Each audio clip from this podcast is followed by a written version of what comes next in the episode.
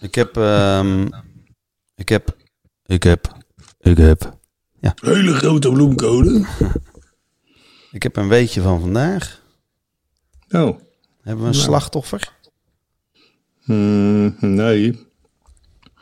Niet dat ik eh, een slachtoffer bedacht heb. Oké. Er heeft zich ook niemand eh, van nature gemeld. Oké. Ja, ik bedoel... Nee, want ik ben vergeten te vragen of we daarover mogen praten. Dus nu weet ik het niet. Tegen, aan, wie, eh, aan wie ben je vergeten te vragen om daarover te praten dan? Nee, Ricky. Ricky van Ellie en Rickert. Nee. Nee. Ik denk, ik denk dat het ook niet zo interessant is.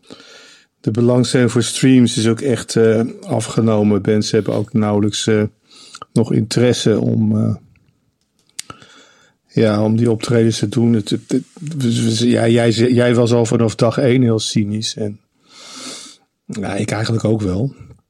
Maar nu blijkt echt dat, het, eh, ja, dat de rek er een beetje uit is. Het, eh, het nieuwtje is er vanaf, de lol is er vanaf. Het is wel bizar hè, dat op het moment dat het Guinness Book of Records Ja. BTS heeft uitgeroepen tot ehm, act met de meeste streams.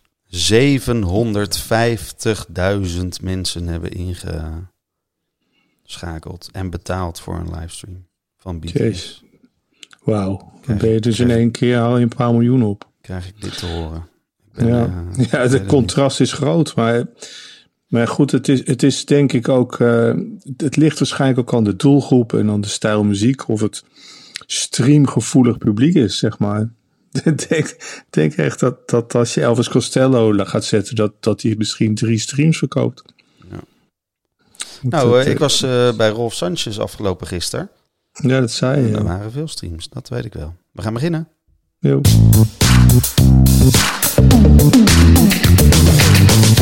Welkom bij Stoppraatjes, de podcast over de live muziekindustrie. Met John van Luijn en Gideon Karting.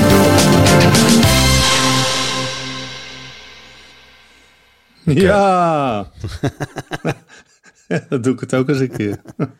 Ik was gisteren, eh, ik eh, kwam eh, de Ziggo binnen. En Mhm. ken je die verhalen van die mensen die dan roepen... oh, ik heb een bom bij me op een vliegveld. En dat dan het hele vliegveld af wordt gezet en iedereen in de stress schiet. En weet ik een, soort, allemaal. een soort old school corona hoester. Dus ik zeg voor de grap tegen iemand in de foyer van... eh, oh, ik ben verkouden en ik heb eh, diarree. En, eh, Ja, dat zeg ik, ja. Old school corona ja, hoester. binnen, binnen, echt binnen drie minuten had ik een, een vraaggesprek. Klopt het dat je verkouden bent? Ik zei, ja, joh, zie ik eruit alsof ik verkouden ben? Klink ik verkouden? Ik heb toch ook geen diarree? Wacht ervoor. Nou, ik ben een keer gebeld smiddags door Kim, boek bij eh, Mojo. En die zei, ja, ik weet toevallig dat jij vanavond niks te doen hebt. Dus je kan naar Neil Diamond komen. Want die speelde die avond in de Ziggo. Dus ik denk bij mezelf, ja, dat is goed. Maar ik heb ook nog iemand bij de Ziggo beloofd om eh, Spongebob attributen mee te nemen. Die waren van mijn dochter geweest en die, had er die keek er niet meer naar om. En hij had nog wel een eh, kind in die leeftijd. Dus ik met twee grote tassen Spongebob attributen naar de Ziggo. Maar ik had het weer ook niet goed bekeken. En het was hartstikke lekker weer. En ik had eigenlijk een veel te dikke jas aan. Dus ik kom met een veel te dikke jas. Met twee hele grote plastic zakken. Als een soort zwerver kom ik daar dus die Ziggo binnen. Ik word daar wel binnengeleid. Maar ik hoorde later van Kim al dat vanaf dat ik binnenkwam. Dat er non-stop camera's op me waren. En dat de security op me was gezet. En iedereen ging achter me aan. En ik ging natuurlijk ook nog naar het, het live venue gedeelte, het VIP eh, gedeelte. En ging daar dus uitgebreid zitten met die twee tassen. Waardoor er dus allemaal security op me afkwam. En ik moest mijn naam opgeven. En, en ik zei ook werkelijk waar het voor was. En ja, Spongebob artikelen. En die wisten dan niet eens wat dat was. Dus ik dat soort dingen eruit halen. En nou, uiteindelijk kwam degene van wie ze waren langs om die tassen op te halen. En toen hoorde ik dus eh, dat ik de hele tijd gemonitord was daar. eh. ja, men dacht werkelijk dat ik een soort eh, bomterrorist was. Spongebob. toen, ja, SpongeBob SquarePants. Zo maak je toch nog eens wat mee, hè? Dan kan je Ja, van dat, de... dat, tegenwoordig maak je niks meer mee. Nee, dus. het is, eh, ik denk dat we zo klaar zijn, want eh, ik heb iets gelezen over een Duits onderzoek. Ja, ik heb dat ook even gelezen. Maar op het moment dat ik dus lees dat een, dat is een onderzoek dat, waar we aan moeten voldoen om toch weer in de oude situatie live concerten te kunnen ondergaan. Ja. Dat bedoel je toch? Ja, ja, ja. En dat, Maar- zij, gaan dat, ja. zij gaan dat doen door het, het te testen met een eh, band die ik niet ken. Nee, ik kende het ook niet. En dan hebben ze drie scenario's. Namelijk ehm, eentje, daar mag iedereen gewoon naar binnen zoals ze willen. Dus gewoon zoals het vroeger ging. Eentje is eh, gefaseerd naar binnen en moet iedereen anderhalve meter van elkaar, af, eh, van elkaar afzitten. En de laatste is, nou ja, dan zeg jij meestal, ja, als je van de drie voorbeelden de twee kent, dan is dat wel genoeg. Dat vind ik doorgaans wel, ja. Ehm, waar het in ieder geval op neerkwam, is dat het drie eh, scenario's zijn waar alle drie 2000 mensen aan meedoen. Dan denk ik, maar welke zaal gebruik je dan? Ik bedoel, in de Ziggo kunnen er eh 3.500 op anderhalve meter. ja misschien wel de Gruga-hallen in Essen. Het, het was toch een Duits onderzoek? Ja, ik, eh, het is pas in september, dus ik weet het niet. Het enige wat Nou ik ja. wel weet is dat we nu weer wat shows hebben gezien. Ik weet niet hoe het in de Melkweg is of, de- of jullie al shows hebben gedaan, maar ik, eh, we eh, hebben er vandaag drie. shows op anderhalve meter werken, werken gewoon. Nee, nou ja, we hebben er vandaag en gisteren bij elkaar zes van Joost. Er zijn alle zes uitverkocht. En eh, ja, anderhalve meter. Ja, ik, ik vind het ook voor Joost bizar. Want het is ook een soort springpubliek toch, lijkt me. En weer gewoon een beetje feestje maken met z'n allen. En over dat onderzoek, ja, ik heb het ook gelezen. Wat mij verbaast is dat er toch best veel mensen onderzoekjes doen naar eh, inderdaad anderhalf of in Duitsland is het overigens twee meter wat je af, afstand moet houden. Eh, en, en daar dan een enorme velle papier aan wijden met allemaal dure teksten en zonder spelfouten. En dan denk ik van nou, daar heb je toch behoorlijk wat tijd in gestoken. En het zijn natuurlijk oplossingen die nergens op slaan. Want het, het is niet op te lossen op deze manier. Het is alles of niks. En ik begrijp dat je in het begin nog even creatief wil meedenken. Maar op een gegeven moment moet je toch realiseren van ja, je kan dan wel scenario's in gang zetten van en dat en dat met respect voor anderhalve meter. Maar respect voor anderhalve meter is gewoon, daar is deze business niet voor. En dat hebben we hier ook al zo vaak geroepen. Maar mensen blijven toch maar komen met die onderzoekjes. Ja, Dus ze luisteren gewoon niet naar ons. Dat is wel duidelijk. het is verschrikkelijk.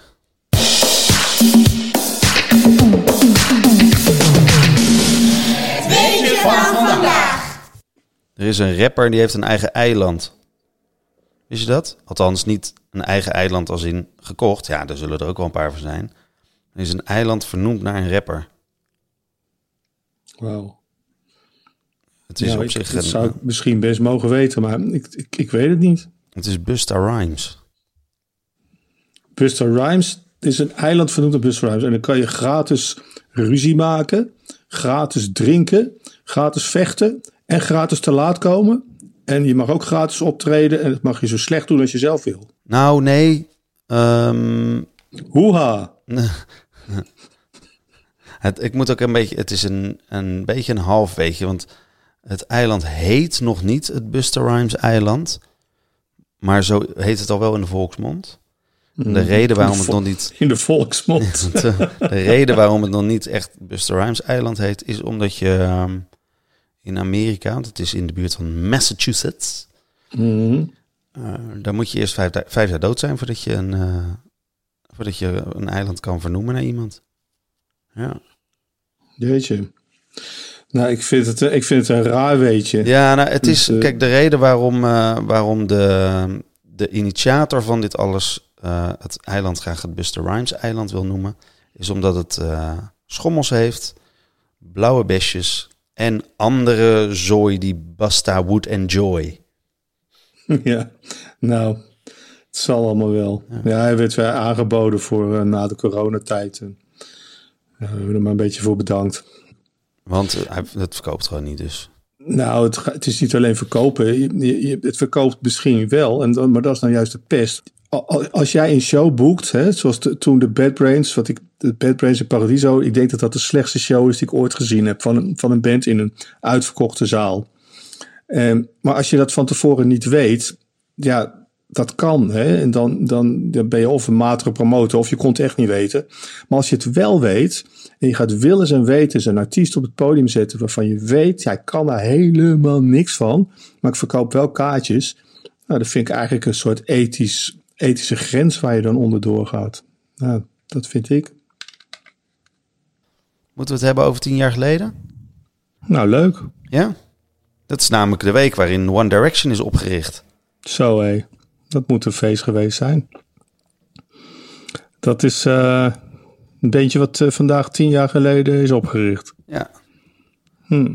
En dat gaat in, nog steeds in dezelfde richting? Nee, dat is hartstikke uit elkaar. We hebben, uh, en dat vind ik altijd zo mooi van die boybands, dat er dan vijf leden in zitten. En dan gaan ze uit elkaar en dan heb je het ineens vijf keer zo druk. Dan gaan ze allemaal solo. Maar uh, tot, tot op heden doen ze het eigenlijk alle vijf. Nee, eigenlijk vier doen het heel goed. En er is eentje die heeft uh, ineens podiumangst. Hebben ze dan ook alle vijf of alle vier contract bij een andere platenmaatschappij? Ja, en ook bij andere managers. Heel slim. Dus Ja. het zijn misschien best wel slimme jongens. Ja, dat zijn het wel. Ja, dat klopt. Weet je nog wat jij in maart uh, 13 jaar geleden deed? 10 maart 13 jaar geleden. Ja, dat was de opening van onze nieuwe grote zaal. Hey. Ik neem aan dat jij mij gaat vertellen wat ik 10 maart 2007 deed, want uh, ik ben het allemaal vergeten. Nou, jij was er ook. En uh, maar er waren een paar dingen die opvielen. Uh, de zaal was eigenlijk helemaal niet een rammetje vol, terwijl het wel zwaar was uitverkocht. Wat mij de illusie en de hoop gaf dat we meer kaarten konden verkopen dan dat we toen dachten. Nou, dat bleek achteraf uh, niet zo te zijn. Dat was gewoon, uh, ja, om onduidelijke redenen waren er gewoon wat minder mensen toch gekomen, waren afgetropen. Ik, ik heb geen idee. Maar... Misschien, moet, misschien moeten we eerst een beetje, een beetje uitleggen wat er. Want de, de Max, de nieuwe zaal, 1500 uh, capaciteit, 1400, 1600. Nou, toen dachten we dus 1500. Ja. We hebben toen 1500 kaarten verkocht en dat ging er met het grootst mogelijke gemak in. En de, en de manier waarop we die kaart hebben verkocht, en daar weet ik dan nog wel half iets van, die was nogal... Die aan de kassa de volgende ochtend of middag begon die voorverkopen. En ik weet dat ik de avond ervoor de zaal uitliep en dat mensen letterlijk op de brug zaten te kamperen. Ja, ja Arctic Monkeys waren in 2007, nou, de, de, de debuutplaat was al uit. Um, ja. De tweede plaat kwam uit, uh, enorme, ja, een enorme hype eigenlijk. De band was groter dan de zaal.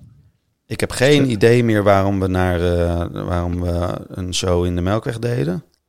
Misschien weet jij nou, dat nog? Dat, dat weet ik nog wel. Uh, dat was A, omdat de band alle stapjes wilde doen, ongeacht dat ze, die stapjes al lang voorbij waren.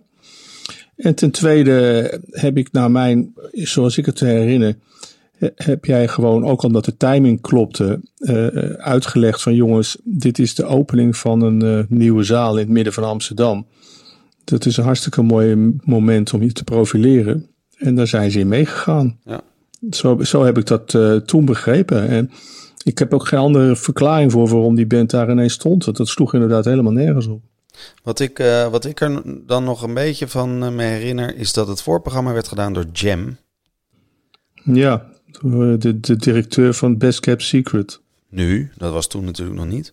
Nou nee. En, uh, en ik uh, heb geprobeerd om uh, Jam toen te koppelen aan de agent van de Arctic Monkeys. Maar die, uh, en die heeft ook daadwerkelijk gekeken. Maar die was niet echt onder de indruk. Helaas. Ik weet nog dat ik heel teleurgesteld was dat hij niet onder de indruk was. Ja. ja. Nou heb ik ooit met hem bij een, een show van Anouk gestaan. En toen zei hij, joh, ik snap hier helemaal geen reet van. Dus zoveel verstand heeft hij er nou ook weer niet van. Of juist wel, maar... Nou goed, Anouk is gewoon een goede zangeres, performer. Dus ja. dat, dat is universeel. Bij, bij Jam kan je nog zeggen dat het een, ja, een soort ko kopieachtig Brits uh, bandje was... wat het net niet helemaal had of zo. Maar het was wel, voor, voor ons, voor hier in Utrecht... was het gewoon een hartstikke leuk bandje. Ja, dat is een leuk bandje. Maar ja, vertel, um, sorry, vertel verder, hoe, hoe was de show? Nou, die show die was gewoon goed. Uh, maar werd, het publiek was heel wild en uh, er was geen barrier. En men klom het podium op. En dat was een ding dat wij vonden dat het publiek de zaal weer moest worden ingeduwd vanaf het podium. Maar die tourmensen van Arctic Monkeys vond dat, uh, dat vond hij er niet uitzien. En die vond dat die mensen via de achterkant van het podium weer de zaal in moesten worden geleid.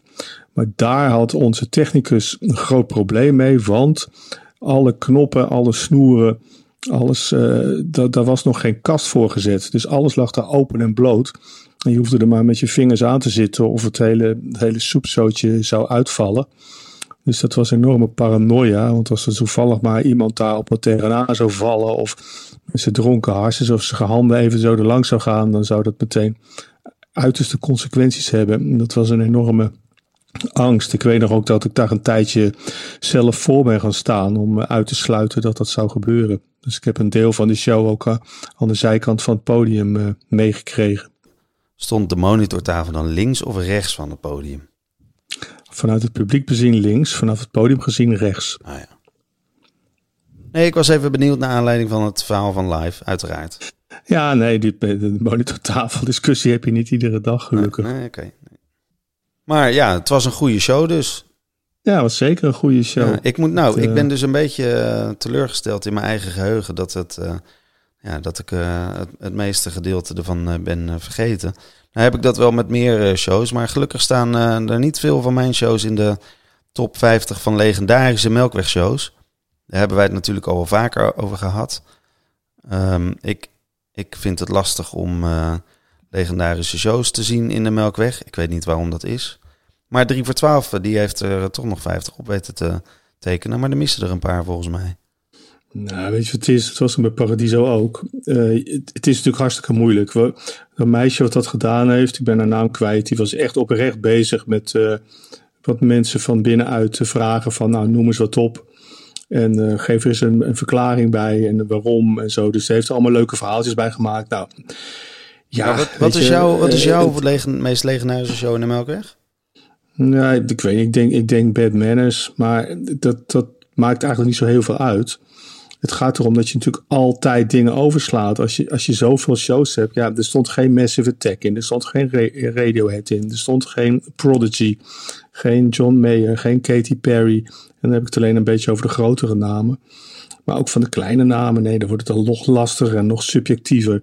Dus ik, snap wel, ja, ik had, ik had wel leuk gevonden als er iets meer slipknot-achtige dingen zouden staan. Of in ieder geval één ska-band of zo. In, het eerste lijstje stond nul punkbands. Nou, we hebben er iets van 300 gehad. We zijn denk ik het punkpodium van Nederland, uh, een beetje.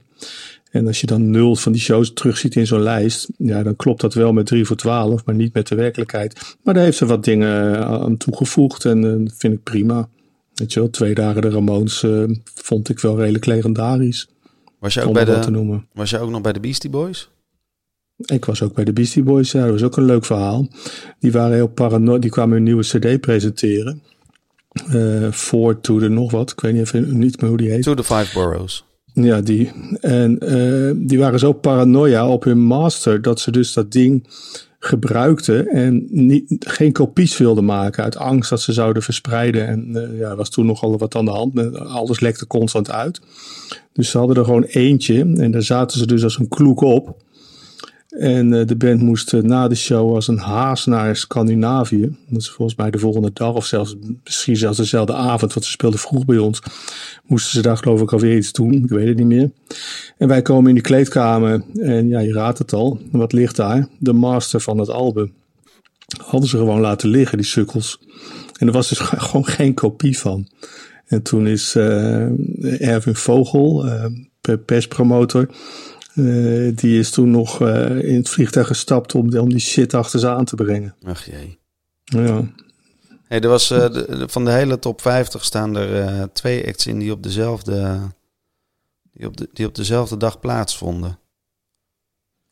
Hoe oh, heb je daar ook naar gekeken? Ja, dat, volgens oh, mij... en Ramstein geloof ik.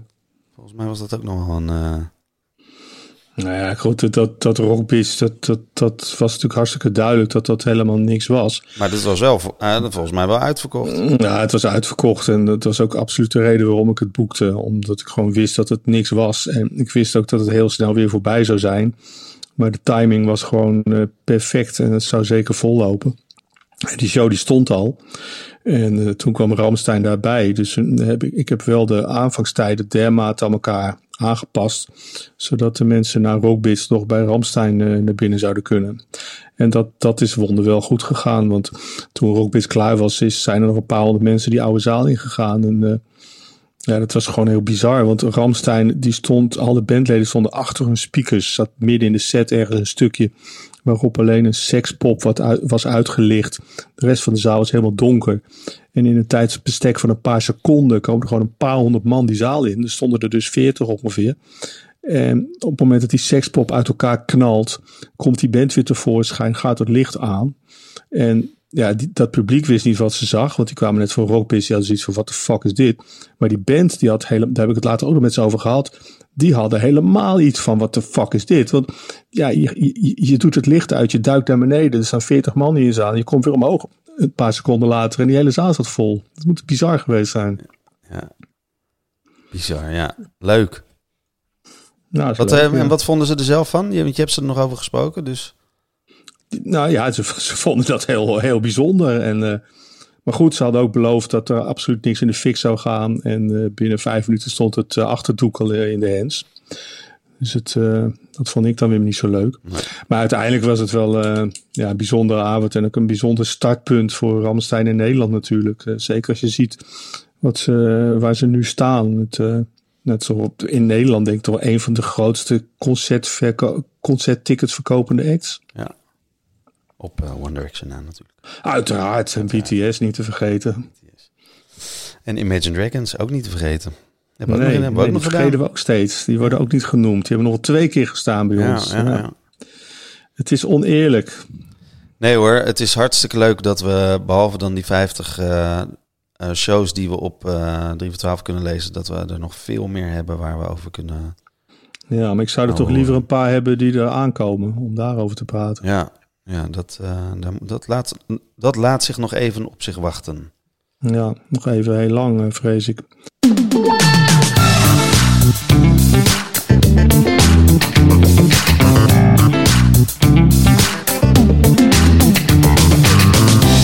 voor het luisteren naar misschien wel de beste aflevering van Stokpraatjes. Word daarnaast vooral lid en vind ons leuk. Tot de volgende.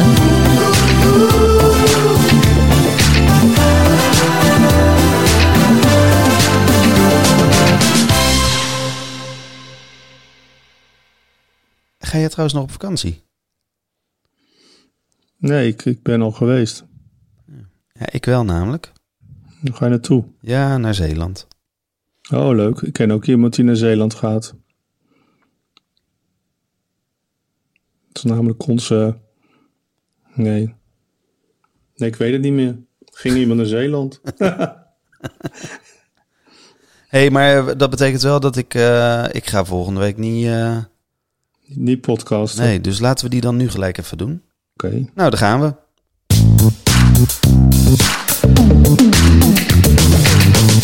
Welkom bij Stokpraatjes, de podcast over de live muziekindustrie. Met John van Luijn en Gideon Karting.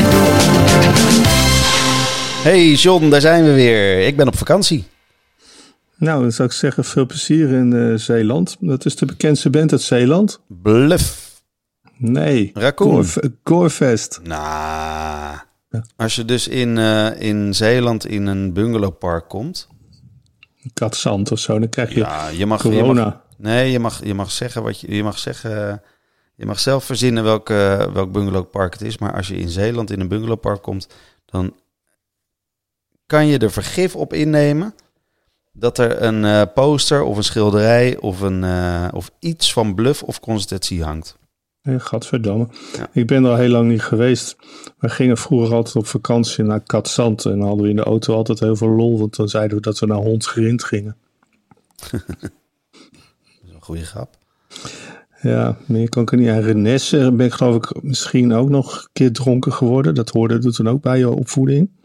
Toen, Maar, toen maar posters van, eh, van Bluff heb ik daar nooit wel. Wat je wel had daar was heel veel eh, seksboekjes. Want je had zo'n dorp over de grens, Sluis heette dat. En dat was een soort Europese vrijhaven voor seksboekjes. En dat iedereen die daar kwam, die kocht hele stapels en dat deelde die dan uit aan allemaal kinderen en zo. dat ga je toch niet. Dat vonden wij leuk. Ja, kinderen. Je bedoelt eh, tieners. Ja, Ja, oké.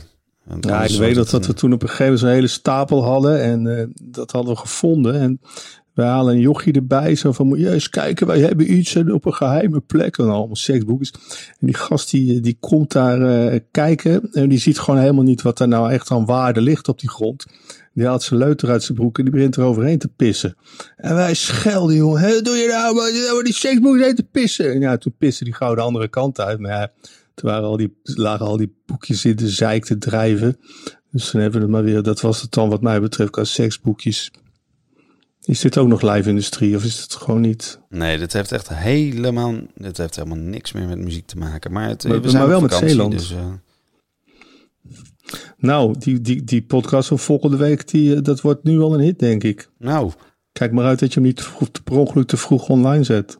Zullen we anders gewoon uh, even met vakantie gaan? Even een paar nee. weken stoppen. ja, we zijn er wel aan toe, geloof ik. Ja. Nou, dan uh, wens ik je maar uh, veel plezier daar in Zeeland. Ja, ik spreek je nog wel. Nou ja, denk het ook. Doei. Doei.